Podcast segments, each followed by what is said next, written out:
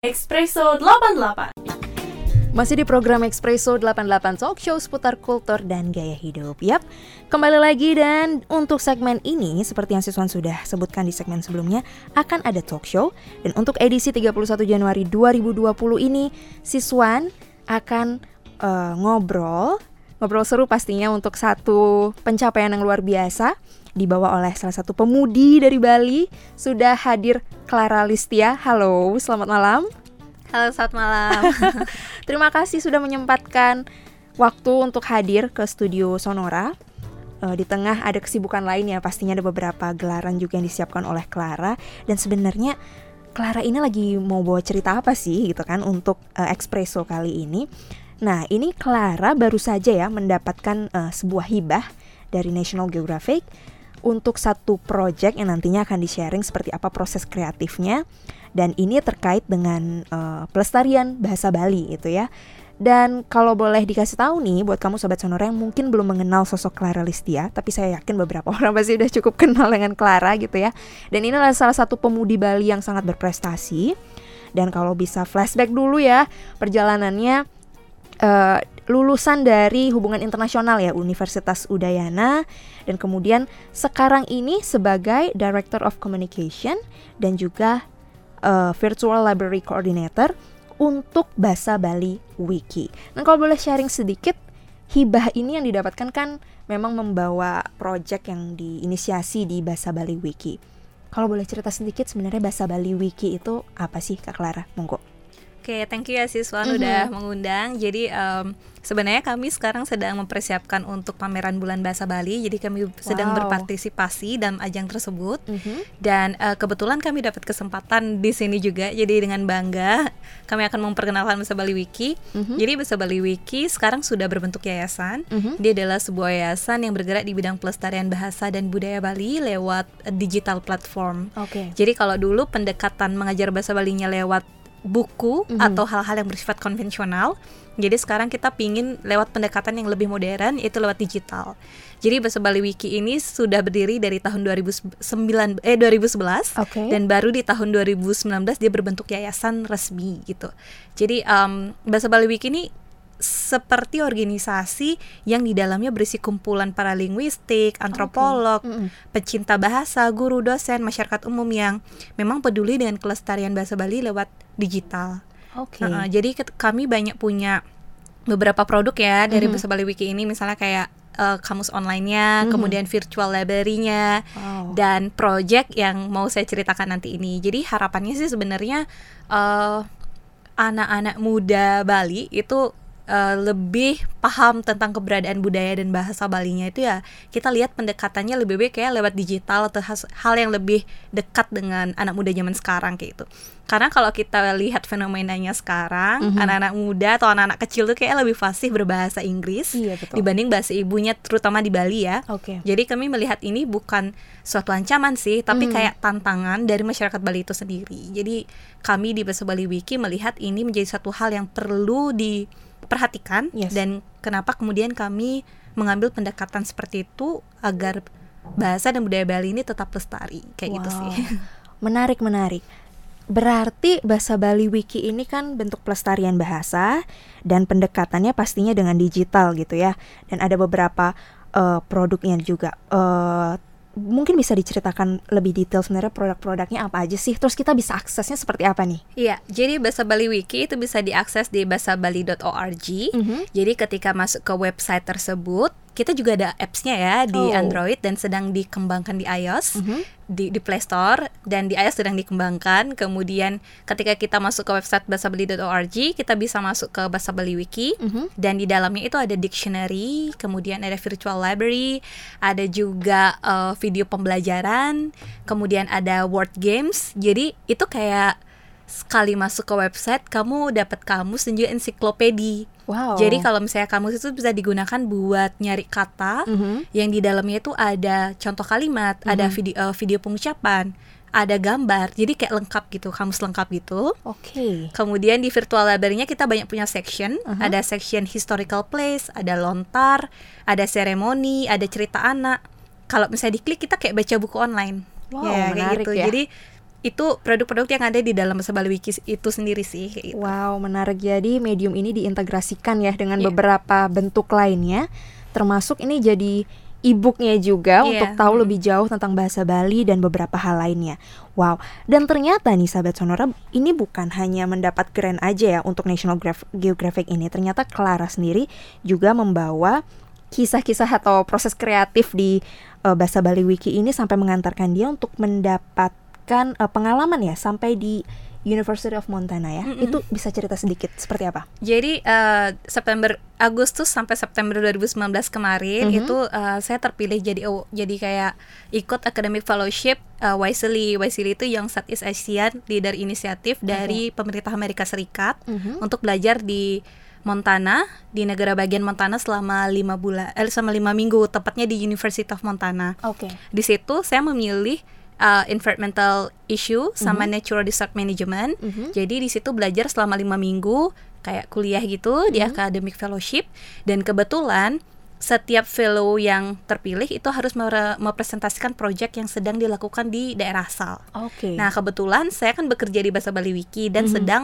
ongoing project uh, Luh Ayu Manikmas yang funded by National Geographic ini. Oke. Jadi itu yang saya bawa ke Amerika dan kebetulan dipercaya buat presentasiin itu di depan para dosen kampus University of Montana pada waktu itu juga sama beberapa fil- eh, fellow-fellow lain dan juga eh, masyarakat umum yang memang diundang sengaja datang untuk dengerin para fellow untuk eh, presentasi tentang kegiatan mereka di daerah. Oke. Jadi, nice. Eh, di situ saya cerita bagaimana Mhm. kemudian eh, karena fokus dari project Lohayu Manikmas ini pada, ada pada lingkungan dan Mhm. kebetulan saya belajarnya di situ lingkungan. Pas jadi ya? pas gitu. jadi kayak eh, sekalian saya memperkenalkan bagaimana sebenarnya masyarakat Bali dan pemerintah Bali itu melihat isu lingkungan ini sebagai satu hal yang serius. Karena kan di Bali kita concern banget ya masalah Mhm. lingkungan Mhm. dengan dikeluarkannya peraturan gubernur Iya. mengenai eh, larangan penggunaan single use plastik, Mhm. kemudian bagaimana Trihita Karna sebagai filosofi dasar eh, masyarakat Bali di sini yang sangat eh, memperhatikan lingkungan lewat palemahannya kayak Mhm, gitu. mhm. Itu yang saya bawa. Jadi kayak mereka tuh kayak eh, tertarik dan amazed apalagi ketika saya menyinggung nyepi. Nyepi itu kan Oh, kayak iya, kita iya. kita kayak eh, berpuasa hal-hal yang bersifat negatif dan kemudian eh, kita bisa melestarikan lingkungan lewat nyepi karena kita nggak pakai eh, listrik at all, nggak Iya, ada polusi. energy. Iya, jadi Mhm. mereka kayak heran gitu dan eh, nilai-nilai kelokalan itu yang saya bawa Mhm. sekaligus juga eh, saya hubungkan dengan proyek yang sedang berjalan yang Luhayu Manikmas itu gitu. Wow, ini buktinya ya kalau kita pun masih punya project atau kisah-kisah yang masih sangat menarik perhatian masyarakat di sana. Tapi sebenarnya Bahasa Bali Wiki sendiri pun itu founded dari beberapa pihak dari Iya. US ya. Itu Iya. bisa diceritakan sedikit. Ya, jadi Bahasa Bali Wiki ini foundernya adalah Ibu Alisa Stern. Mhm. Ibu Alisa Stern ini adalah eh, warga negara Amerika yang tinggal di Maryland. Mhm. dan eh, Ibu Alisa bersama beberapa orang di Amerika itu ada Banjar Bali gitu orang-orang Bali yang tinggal di Amerika kemudian eh, membentuk eh, ya, organisasi Bahasa Bali Wiki pada saat itu kemudian mereka ini menjadi board member dan kemudian diteruskan oleh eh, orang-orang lokal yang ada di Bali termasuk saya dan beberapa teman-teman Oke. jadi em, sekarang eh, keberadaannya itu Bahasa Bali Wiki sudah yayasan Mhm. yayasan lokal Bahasa Bali Wiki seperti itu. Jadi foundernya memang Ibu Alisa Stern, tapi kemudian beliau menyerahkan kepada bahasa- eh, masyarakat lokal Bali untuk meneruskan eh, proses pelestarian bahasa dan budaya Balik Bali lagi ke sendiri. tanah Bali sendiri. Iya. Karena kan. ya siapa lagi sih Iya, kalau nggak orang Bali itu kita sendiri ya. ya, benar banget. Espresso 88. Tadi eh, bicara tentang beberapa project, sekarang lanjut gitu tentang grant yang diperoleh eh, dari National Geographic ini sendiri, termasuk project lebih spesifik ya tentang Luh Ayu Manikmas ini. Mungkin bisa cerita sebenarnya project ini tentang apa, berupa apa, eh, seri dari project sebelumnya seperti apa, hingga kemudian dapat kesempatan dipresentasikan sampai di University of Montana dan berhasil dapat hibah dari National Geographic. Monggo, silakan. Iya. Jadi eh, sebenarnya proyek ini bernama Luhayu Manikmas. Mhm. Jadi Bahasa Bali Wiki ingin menciptakan eh, karakter pahlawan perempuan virtual. Jadi kita buatkan karakter virtual jadi pahlawan perempuan Bali Mhm. bernama Luhayu Manikmas. Oke. Dan kenapa kita memilih perempuan? Karena pertama kita pilih eh, kita ingin kembali menaikkan isu empowering women in Bali. Jadi kita ingin menghapus stereotype uh, perempuan Bali yang cuma berdiam diri di rumah saja. Jadi kayak bis representasinya lewat Lohi Manikmas kayak dia bisa jadi hero, jadi hero untuk berbagi isu misalnya pendidikan, lingkungan, budaya dan saatnya perempuan untuk speak up gitu. Itu alasan pertama. Alasan kedua kenapa kita memilih spesifik uh, Manikmas. Jadi Lohayu Manikmas ini uh, perempuan Bali, anak usia 14 tahun di mana kita pikir anak usia 14 tahun itu pikirannya masih moldable gitu maksudnya masih bisa dibentuk dengan hal-hal yang lebih uh, positif jadi Oke. kita pingin lebih cheerful jadi supaya nggak ketuaan juga karakternya kita pilih yang usia middle age gitu Oke. jadi terciptalah sosok Lohayu Manikmas ini Uh-uh. jadi lewat Lohayu Manikmas ini kita mau address isu uh, yang bahasa Bali Wiki bawa le- pelestarian bahasa dan budaya Bali tapi lewat buku cerita Oke. jadi kita memilih pendekatan ini sebagai pendekatan karena kita pikir cara yang paling gampang untuk uh, membuat anak-anak itu lebih aware adalah dengan bercerita gitu lewat uh, lewat cerita yang menyenangkan.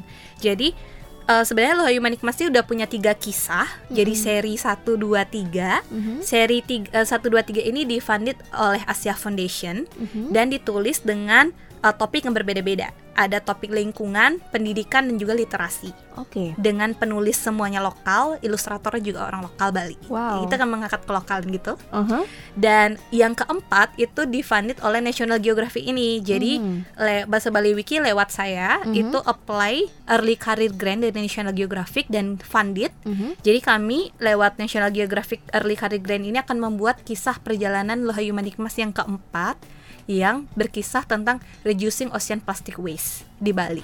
Oke. Jadi itu yang sedang berjalan sekarang. Jadi prosesnya adalah kita akan menerbitkan buku keempat, Mhm. kemudian ilustrasinya, animasinya dan juga workshop kayak gitu. Boleh tahu siapa saja tim yang terlibat dalam proses kreatif Project Lok Ayu Manikmas ini dan seperti apa sih kalian sebenarnya berkolaborasi? Iya. Mhm. Jadi eh, semua proyek dari Lohayu Manimas ini em, dibuat dan diciptakan oleh masyarakat lokal. Mhm. Jadi penulisnya semua itu penulis lokal Bali. Ada yang buku pertama itu ada Imade Sugianto, kemudian ada Ari Dwi Jayanti, Putu Supartike. Dan penulis untuk buku yang keempat ini bernama eh, Ninyoman Ayu Suciartini. Jadi eh, penulisnya semua eh, orang Bali. Bali, mhm. Kemudian ilustratornya Ilustrator buku 1 2 3 adalah Gus Dark dan ilustrator buku keempat bernama Man Atta. Oke. Jadi kita ini berkolaborasi dengan mereka dan kebetulan juga untuk semua proyek Loy Manikmas ini kita disponsori juga oleh Twitter Asia Pasifik. Ah. Jadi Twitter itu bantu buat verified akun Lohayu Manikmas di Twitter Mhm. dan bantu buat memberikan campaign. Ya. Jadi Lohayu Manikmas ini udah hidup di Twitter. Jadi Twitter bantu buat uh, menguatkan karakter Lohayu Manikmas ini seba- uh, supaya isu-isu yang diadres dan campaign itu lebih kuat kayak gitu. Iya. Nah, iya. jadi lewat Twitter ini Mhm. kami nge-tweet tuh dalam proses penulisan buku uh, bikin polling. Jadi masyarakat itu kita libatkan untuk menentukan cerita juga Oh, kayak I gitu. see. Jadi uh, buku ini tercipta nggak cuma karena penulis aja, tapi juga masyarakat umum. Jadi masyarakat Bali itu merasa memiliki cerita mm betul. Mas nih. Jadi gitu proses pembuatannya dan PHPA yang kami aja. Mhm. Dan kebetulan untuk proyek yang keempat ini karena bertemakan plastik, Yes. kita uh, kemarin sempat kolaborasi dan minta beberapa pandangan dan juga nasihat dan masukan dari Ibu Susi Hutomo, Mhm. uh, founder dari Sustainable Susi, The Body Shop Indonesia, Oke. dan juga dari Kopernik kayak gitu. Wow, menarik. Eh, proses risetnya berapa lama untuk case yang dibawa ke cerita loh Ayu Manikmas untuk yang sequel keempat ini? Iya. Jadi uh, mulai dari diterima uh, kalau tahu bahwa kami diterima National Geographic Grant itu ketika saya di US kemarin bulan September. Mhm. Kemudian kita baru mulai uh, riset itu dari uh, Sep- September, Oktober, Oktober November sampai bulan sekarang Mhm. uh, Januari ya. Yes. Januari itu kita baru pada tahap ilustrasi. Oke. Jadi sekitar 3-4 bulanan kita riset Kira-kira kita mau angkat apa nih di cerita anak-anak Yes. Apa yang mau kita masukkan isunya Mhm. Apa yang mau kita sampaikan pesannya itu juga nggak mudah gitu Ya. Karena kita pingin masukin semuanya Tapi biar ringan buat anak-anak Ini bahasanya Betul. biar ringan Mhm. Karena buku ini sekali lagi tuh dalam tiga bahasa Bahasa Inggris, Indonesia, dan bahasa Bali Yes, yes. Jadi proses pemilihan kata Kemudian apa yang mau dimasukin Mhm. eh, terjemahannya itu juga lumayan lama ya, sekitar tiga empat bulanan sampai ke tahapan ilustrasi kayak gitu. Oke, menarik. Mm -hmm. Lalu proses kemudian mendaftarkan project sequel keempat ini ke National Geographic perjalanannya seperti apa sih? Dan sampai sekarang tuh progresnya sudah sejauh apa? Ya, jadi uh, National Geographic itu banyak sekali punya yes. uh, opportunity bagi siapa saja yang mau apply grant. Mm -hmm. Nah, salah satunya ada eh, bernama Early Career Grant yang saya apply lewat Bahasa Bali Wiki kemarin. Mm -hmm. Dan prosesnya itu adalah kita isi formulir, kita bikin proposal, yes. kita ceritakan apa yang mau kita buat, kemudian kita kirim dan akan diseleksi gitu. Nah, kebetulan waktu di US kemarin saya berkesempatan ke National Geographic headquarternya. Mm-hmm. Jadi di situ ketemu sama manajer. Jadi kayak uh, setiap penerima grant itu bernama National Geographic Explorer. Oke. Okay. Jadi uh, Pak, saya ketemu dengan program manager. Jadi setiap explorer tuh punya program manajernya gitu. Wow. Jadi di situ saya cerita awalnya kan kayak uh, nggak nyangka gitu nggak nyangka bisa keterima National Geographic Grant dan di situ saya cerita gimana sebaiknya mengatur fund, funding yang yang kami terima agar bermanfaat dan tepat sasaran kayak itu. Jadi mm-hmm. program manager di headquarter kemarin ngasih tahu sih beberapa hal. Jadi kayak kami ingin menginovasikan beberapa hal, misalnya kayak bikin podcast gitu, yes. okay. kemudian bikin animasi, bikin film yang kayak kayak gitu. Jadi uh, prosesnya lumayan panjang karena sekali lagi kami ingin kayak whole pakai package gitu nggak cuma buku cerita kalau boleh tahu mm -mm. apa sih saran dari mereka sebenarnya untuk uh, project ini kira-kira sarannya apa sih dari uh, yang pertama karena mereka sangat concern di alam dan juga lingkungan mm -hmm. jadi bagaimana kemudian bis uh, project yang akan bahasa Bali Wiki kerjakan itu benar-benar menyentuh isu lingkungan okay. yang memang lagi uh, lagi hits di di tingkat lokal. Mm -hmm. Saya di Bali masalah lingkungannya apa nih? Mm -hmm. Yang itu yang pesannya kita bisa masukkan lewat cerita kayak itu. Jadi mereka itu nggak nutut banyak. Jadi mereka kayak kamu lebih baik fokus sama di daerahmu nih. Di daerahmu sedang okay. apa bencananya atau apa masalah lingkungannya di situ gitu. Itu address kemudian masukkan ke dalam project yang kamu bawa kayak gitu. Jadi uh, mereka banyak banget ya karena kalau misalnya saya uh, kita mau berbagi hal-hal yang kita bingung ngomongin misalnya kayak gimana sih cara bikin podcast yang bagus? Mereka ada ininya ada timnya. Bagaimana oh. sih cara bikin pembelajaran yang bagus? Mereka ada tim learningnya kayak itu jadi sebenarnya yang di, lebih banyak dikasih kayak networking gitu di mana kita bisa nanya dan belajar dari orang-orang yang emang expert di bidang itu kayak itu wow. itu sih keuntungannya juga. Menarik uh -uh. sekali ya beruntung sekali ya project lo Hayuk. Manik Mas ini pastinya nanti kita tunggu proses integrasi bagaimana nanti uh, project ini bisa terpublikasi secara luas begitu ya.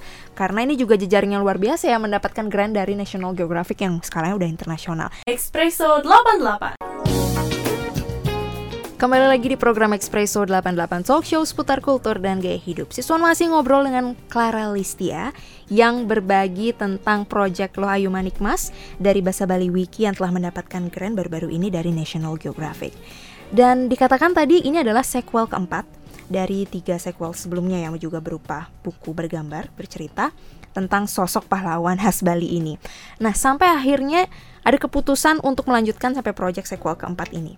Pasti ada satu pencapaian juga, setidaknya satu perjalanan dari tiga sequel sebelumnya. Kalau boleh tahu, sejauh mana tiga sequel sebelumnya ini sudah terpublikasikan dan disosialisasikan nih ke masyarakat? Silakan. Jadi uh, Lohayu Mas ini punya tiga seri sebelumnya. Mm -hmm. Jadi tiga seri dengan topik yang berbeda-beda yes. di bidang pendidikan, literasi dan juga lingkungan. Mm -hmm. Nah, publikasinya kalau launching yang pertama itu kita launching di SMA di Yayasan Wijendra dan Pasar yang di launching secara resmi oleh Ibu Gubernur Ibu Putri Koster. Mm -hmm. Jadi uh, beliau yang hadir untuk uh, launching buku pertama. Yes. Kemudian buku kedua itu kita launching di Kemendi Kementerian Pendidikan dan Kebudayaan di Jakarta mm -hmm. dan bukunya secara resmi ditaruh dan dikoleksi oleh Perpustakaan Kemendikbud. Okay. Dan yang ketiga itu di Bentara Budaya Bali mm -hmm. yang pada waktu itu kami mengundang Robina Fikula sebagai uh, pembicaraan juga bintang tamu. Jadi itu. Dan uh, selama proses tiga launching buku tersebut saat ini uh, siapa saja itu bisa membaca secara digital di virtual library-nya Bahasa Bali Wiki. Yes. Dan juga uh, kalau bisa mau beli bukunya tuh bisa juga. Jadi bisa. kita sudah perjualbelikan bukunya di Ganesha Bookstore mm -hmm. di mhm. Paramita mm -hmm. dan hard copy-nya bisa dibeli di sana gitu. Oke, menarik ya sampai akhirnya uh, di sequel keempat ini kembali mendapatkan hibah ya dan ini khususnya dari National Geographic. Dan perjalanan dari proses pendapatan uh, mendapatkan hibah ini tentu pada akhirnya membawa Clara untuk bertemu dengan satu lingkungan internasional katakanlah yang juga berbagi tentang uh, pengalaman kelokalan daerah mereka. Kalau boleh tahu sebenarnya foundation-foundation atau yayasan-yayasan besar yang memberikan hibah seperti ini dalam skala internasional itu mereka sebenarnya concern terhadap apa sih saat ini gitu dan seberapa besar kemungkinan buat kita teman-teman di daerah untuk membawa isu kelokalan kita untuk bisa mendapat hibah juga. Iya, hmm. jadi kalau uh, bisa cerita pengalaman, -hmm. jadi uh, para penerima grant ini itu dinamakan National Geographic Explorer -hmm. bulan November kemarin itu ada National Geographic Explorer Festival di Singapura sama seminggu. Jadi di situ bertemunya para explorer dari seluruh kawasan Asia. Nah di sana kita ada science bootcamp gitu dan mereka sih rata-rata itu projectnya based on research. Okay. Jadi uh, contoh ya, mm -hmm. kalau misalnya di beberapa negara, misalnya kayak India, itu mereka kayak konsen kepada research tentang harimau. Okay. Kemudian ada yang research tentang uh, terenggiling di Nepal, kemudian ada urban living di Mongolia, yes. kemudian uh, purified a tree atau pohon mati mm-hmm. di Thailand. Kayak hal-hal yang kita tidak pernah duga sebelumnya itu yang mereka angkat. Oke. Okay. Jadi saya rasa yayasan-yayasan kelas dunia mm-hmm. itu pingin uh, memberikan funding kepada orang lokal yang mau bergerak untuk daerahnya mereka mm-hmm. yang tidak banyak orang pernah lakukan sebelumnya kayak gitu. Oke. Okay. Jadi sebenarnya kalau kita bicara tentang lokal, banyak banget masalah yang masalah yang bisa diadres, mm -hmm. isu-isu yang bisa diadres yang bisa difunded gitu. Mm -hmm. Jadi kalau misalnya kita mau bikin project itu kan kita perlu pendanaan ya untuk melancarkan project tersebut. Yes. Jadi yayasan-yayasan kelas dunia itu ingin melihat bagaimana uh, lokal principle atau kayak lokal filosofi itu bisa diintegrasikan mm -hmm. atau bisa dikolaborasikan dengan project gitu. Okay. Jadi mereka ingin melihat itu dan mereka ingin ngebantu itu at, uh, kembali lagi yang menerima manfaat itu adalah biar orang-orang yang ada di daerah itu kayak gitu. Okay. Jadi uh, selain itu juga kegiatan yang mereka lakukan di daerah itu bi bisa berdampak secara global. Misalnya menginspirasi orang kayak mm -hmm, gitu. Mm -hmm. Misalnya dengan membuat orang lain juga mau melakukan hal yang sama di daerahnya kayak gitu. Jadi uh, masalah di dunia ini kan banyak banget yeah, ya. Yeah. Gak cuma masalah lingkungan aja gitu kayak mm -hmm. dari berbagai aspek gitu. Jadi saya rasa teman-teman di Bali anak-anak muda itu harus bisa uh, mencari lebih banyak informasi terkait siapa sih organisasi atau yayasan kelas yes. dunia yang bisa membantu melancarkan project mm -hmm, mm -hmm. karena kalau kita nggak memperluas networking, Betul. kita nggak tahu gitu loh kalau ternyata banyak banget yayasan kelas dunia yang mau membantu kita untuk menjalankan proyek di negara masing-masing kayak gitu. Oke. Okay. Jadi uh, itu sih saran saya ya. Jadi kalau misalkan ada pendengar mm-hmm. teman-teman yang mau apply buat Grand National Geographic, rajin-rajinin aja buka website National Geographic Grand. Jadi di situ ada banyak grant yang banyak banget Yes. Yang bahkan sampai nggak eh, sampai kita tuh nggak tahu gitu loh ternyata ada grant yang bisa ngefunded hal-hal yang bersifat kelokalan kayak gitu. Yeah, yeah, yeah. Jadi itu terus juga kita perbanyak networking dan mm -hmm. cari informasi lebih banyak lewat internet kayak itu yang mana kemudian bisa memberikan funding kayak gitu sih. Jadi uh, kalau pengalaman pribadi kemarin itu juga waktu di Montana mm -hmm saya bersama teman-teman dari tiga negara lainnya itu play buat small grant gitu okay. dari Mansfield Center uh, untuk address isu tentang air gitu. Khusus air. Khusus air. Itu beda project lagi. Okay. Jadi uh, sebenarnya itu. Jadi kita kalau misalnya punya ide, yes. kita mau bikin apa gitu di daerah, kita butuh funding, kita bisa banget bikin proposal yang kita bisa serahkan ke yayasan kelas dunia itu dan mereka akan membantu kayak gitu. Dan tidak menutup kemungkinan kalau sudah engage dengan satu grand gitu terbuka lagi informasi iya, iya itu benar banget itu benar banget untuk iya. network dan bentuk-bentuk grand lainnya iya, karena mereka juga banget. pasti punya banyak pilihan grand iya. untuk satu foundation misalnya gitu ya mm -mm. dan ini saya rasa jadi satu langkah strategis juga ya buat teman-teman aktivis teman-teman akademisi yang lainnya yang juga mungkin punya research iya, ya iya. yang berupaya untuk membangun daerah mereka ya itu kemungkinannya cukup besar ya sebenarnya Clara. Iya, benar banget apa mm -hmm. yang Susan bilang. Jadi kalau kita bisa apply satu gitu, kita yeah. bakal kayak kebuka aja gitu yeah, loh dibawa lagi iya ke jalur ada aja yang, yang ngasih tahu informasi mm-hmm. oh ini ada funding gini nih ini ada mm-hmm. ini nih coba apply coba apply kayak kayak gitu mm-hmm. jadi uh, ya kita harus mulai uh, take a big step gitu di awal yes. untuk membuka big big step yang lain kayak gitu jadi oke okay. uh, apa ya jangan males sih kalau menurut kayak bikin kalau kita mau uh, nyari funding itu kadang kita harus lewat proses yang panjang kayak research, proposal, Iya, iya. dan lain sebagainya gitu. Kadang orang itu kayak aduh capek banget. Ada Berarti tengah proses jalan ya. administrasi dan Proses administrasinya tuh emang kadang kayak bikin aduh ya capek juga ya kayak bikin Iya. skripsi gitu loh. Jadi Iya. kita bikin proposal. Benar. Karena yang dibaca sekali lagi sama eh, penyeleksi kan hanya proposal yang kita kirim gitu. Jadi Betul, betul. bi- gimana sekali baca mereka udah yakin oh nih proyeknya aku harus funded nih kayak gitu. Mhm. Jadi itu tantangannya sih sekali Oke. lagi iya. Dan kalau bicara tentang akhirnya dapat beberapa ide gitu untuk untuk eh, diproposalkan mendapatkan hibah. Sebenarnya kalau Clara sendiri dengan proses kreatifnya ya dan pergaulan kreatifnya itu dapat inspirasi dari mana sih Clara? Dan paling seru itu lagi ngobrol seperti apa atau berdiskusi macam apa tuh? Iya, jadi kita sering brainstorming gitu bersama tim yang ada di Bali, dan juga orang-orang lainnya. Jadi kayak iya, proses brainstorming tuh harus dilewatin. Kita duduk bareng diskusi, kita mau pro- bikin project ini, terus strateginya apa, cara dapat duitnya gimana, Betul. siapa aja yang bekerja. Mhm. Itu eh, nggak bisa diomongin sekali memang, karena dalam prosesnya pun kita banyak da- menemukan kendala kayak susahnya dapat penulis, Oh, kayak iya. susahnya eh, penulis ada yang sibuk kan, Mhm. susahnya dapat ilustrator Yes. gitu kemudian susahnya menentukan siapa yang mau nerjemahin siapa yang akan terlibat Oke. isu apa yang mau kita bawa kayak kayak itu jadi sebenarnya kita nggak pingin eh, kita nggak pingin hal yang udah ada apa ya kayak kita bikin lagi hal-hal yang sama kita pingin kayak sesuatu yang beda gitu loh Mhm, mhm. Nah itu agak susah kan ya, Oke. karena kita eh, terkadang tuh suka sama hal-hal yang emang udah disukain sama banyak orang, Yang dan mel- mainstream. Ya. yang mainstream dan melupakan hal-hal kecil yang ternyata tuh berdampak sangat besar. betul, betul, betul. Itu ya proses kreatif dan brainstorming itu dibutuhkan sih, kayak Iya. emang emang harus dilewati capek-capeknya itu. Betul. Iya. Dan ternyata itu kerja kolaboratif ya. Bener banget. Terbukti dari perjalanan Clara mungkin harus bekerja sama dengan penulis, Iya iya. ilustrator, Mm-mm. dan itu bentuk satu kerjasama yang luar biasa gitu. Prosesnya pun panjang ya, nggak Iya. cuma Mm-mm. semalam dua malam. Ini saya rasa jadi satu bentuk kedisiplinan yang perlu dipelajarin juga untuk teman-teman yang mungkin untuk mengajukan proposal atau apa pun bentuknya ya. Iya. Karena pasti perlu ada standar kan untuk mencapai hibah internasional dan lain sebagainya. Wow, ini menarik ya. Kayak kita dengar beberapa cerita dan bisa jadi insight juga dari perjalanan bahasa Bali Wiki ini.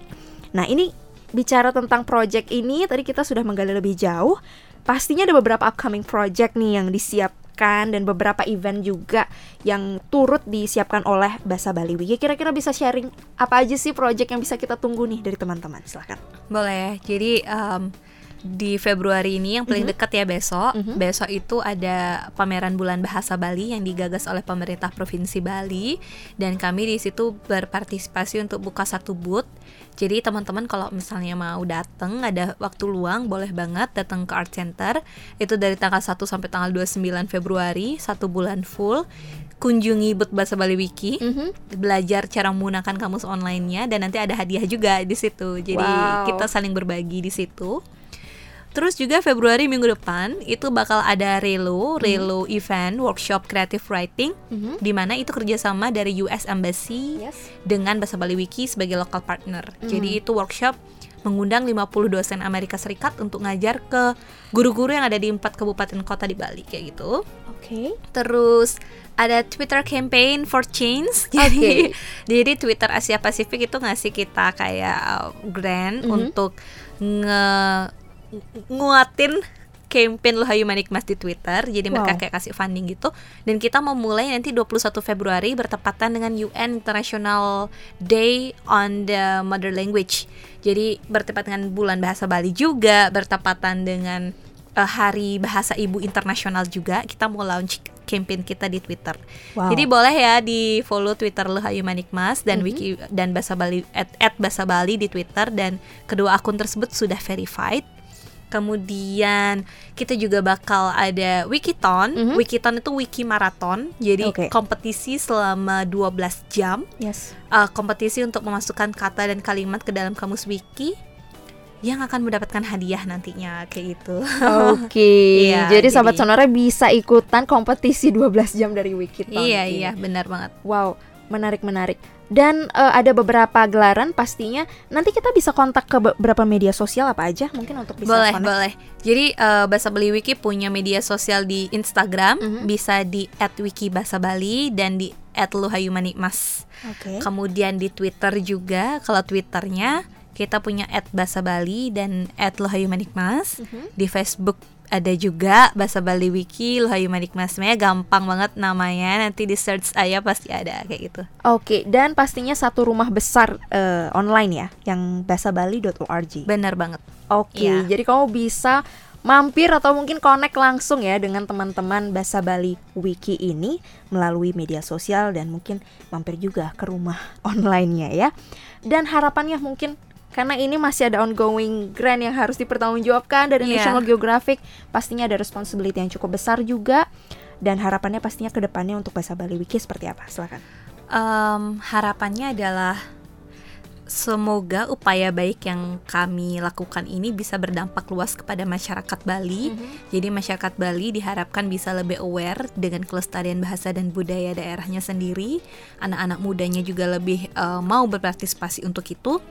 Dan juga bisa setidaknya bahasa Bali Wiki ini jadi langkah awal yang baik bagi Bali, bagi masyarakat Bali untuk lebih peduli tentang keberadaan Bali itu sendiri. Jadi eh, kalau saya pandangan saya pribadi ya kita ini sedang hidup di masa di status quo gitu. Jadi kita harus lebih open minded kalau kita Iya. sempat diskusi tadi. Kemudian kita harus bisa eh, berani untuk mengambil langkah yang lebih besar. Itu ter siapa lagi yang merasakan dampaknya kalau bukan kita kayak itu Betul. jadi Betul. jangan takut untuk mencoba suatu hal yang baru sih Mhm. itu harapan pribadi saya jadi mudah-mudahan dengan ini bahasa Bali Wiki bisa mewujudkan eh, apa ya cita-cita pelestarian bahasa dan budaya dengan jauh lebih baik lagi kayak gitu Wow, terima kasih. Kita juga berdoa pastinya untuk segala sesuatu yang diupayakan oleh Bahasa Bali Wiki. Terima kasih banyak Clara Listia sudah sharing tentang grant yang baru saja diterima oleh Bahasa Bali Wiki. Tentunya kita berharap nanti kita bisa ketemu lagi cerita-cerita tentang proyek-proyek lainnya yang bisa menginspirasi sahabat Sonora. Espresso 88 you